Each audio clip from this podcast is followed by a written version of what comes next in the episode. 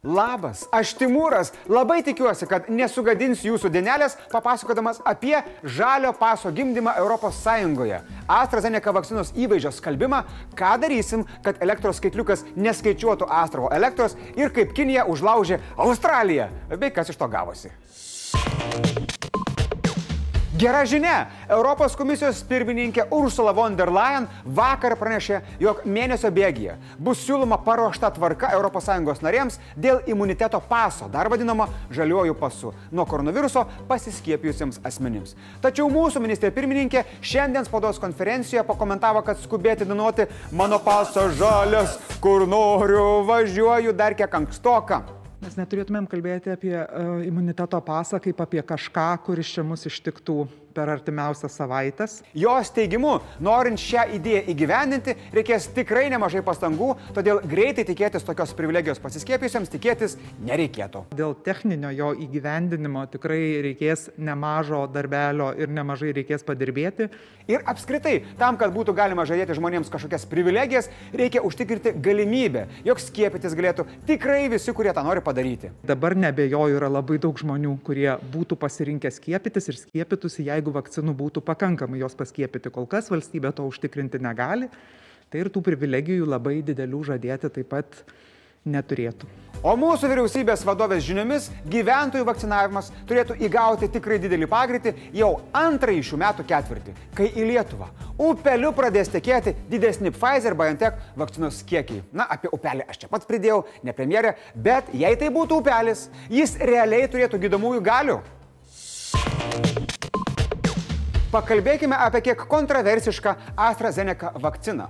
Nors ji yra plačiai naudojama visoje Junktinėje karalystėje, tačiau kelios ES šalis, įskaitant Vokietiją, vis dar riboja jaunesnių nei 65 metų pacientų skiepijimą ją. Ja.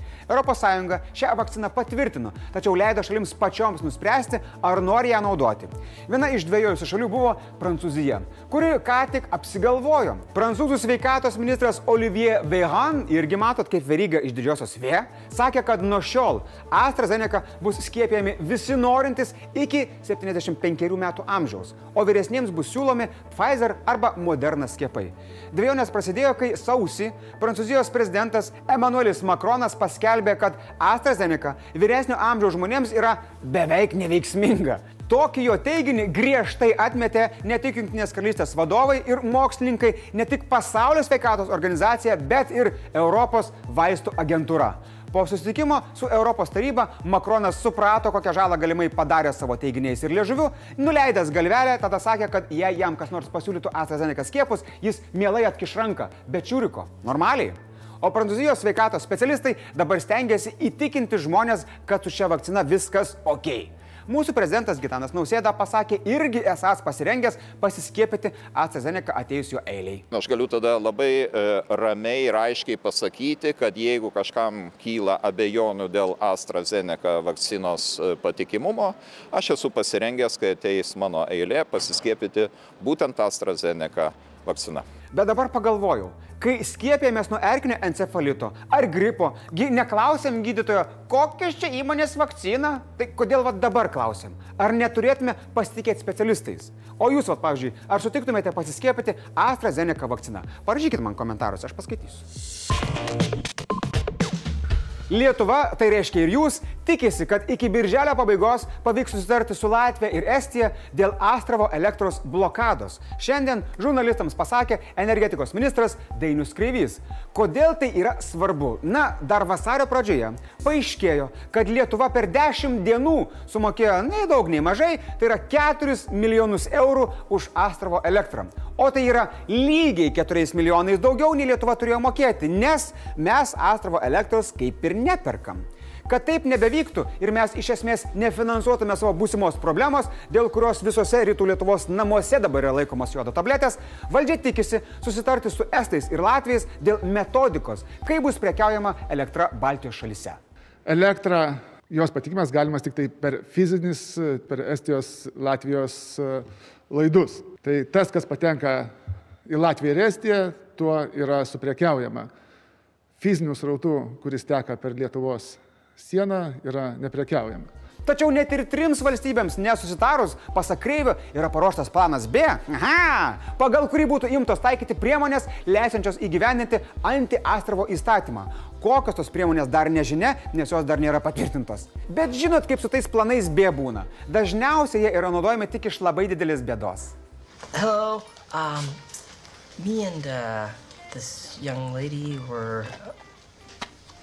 Yep, Thanks. Pasak premjerės Šimonytės dabartinė praktika, kuomet Astravo elektra parduodama Baltijos šalių rinkoje ne tik pažeidžia Lietuvos įstatymus, bet ir kelia grėsmę Baltijos šalių elektros tinklų sinchronizavimo su žemyninė Europa projektui. Tikėkime, mums pavyks ir mes būsime saugus, nes labai nesinorėtų, kad po kokiu 30 metų sulauktume serialo apie Černobylį tesnio, kur jau kenčianti radiacija Vilnių vaidintų koks nors Lundas atsiprašant. Čia švediškas miestas, ne aktorius, nu bet vis tiek nesažininga būtų. Suvaikščiojo praėjusiu metu prekybos skaičiukai ir paaiškėjo, kad Kinijos investicijos Australijoje 2020 metais smuko net 61 procentą, tai čia kaip be kelnių likti. Tai didžiausias smukimas per paskutinius šešis metus. Ir jei galvojate, kad čia yra niekis, tai žinokit, kad Kinija yra didžiausia Australijos prekybos partnerė, kuriai tenka beveik 40 procentų eksporto. Australams tokie skaičiukai nėra labai malonus, turint omenyje, kad šalis pradeda atsigauti po pandemijos sukeltos recesijos. Tai kodėl susipyko šalis, kurios net nežinojate, kad draugavo? Įtampa prasidėjo nuo, nepatikėsite, vieno paprasto tvyto. Kinijos užsienio reikalų atstovas Twitter'yje papostino, kaip vėliau paaiškėjo suklastota nuotrauka, kurioje australų kareivis prie afganistaniečio vaiko gerklės laiko peilį. Australų premjeras Skotas Morrisonas pareikalavo atsiprašymo, kurio taip ir nesulaukė. O kadangi kinai šiaip neatsiprašinėja, situacija nuvažiavo žemyn. Santykiams nepadėjo Australijos raginimai atidžiai ištirti COVID-19 pandemijos kilmę, kaip ir naujai įvesti reikalavimai reikliau vertinti visas užsienio investicijas. Australija sugriežtino procedūras, nes norėjo užkirsti kelią turto pardavimui užsieniečiams dėl nuvargusios ekonomikos. Na ir žinoma, Australija apskritai nevengia kalbėti Kinijai jautriais politiniais klausimais, o ypač susijusiais su žmogaus teisų pažeidimais.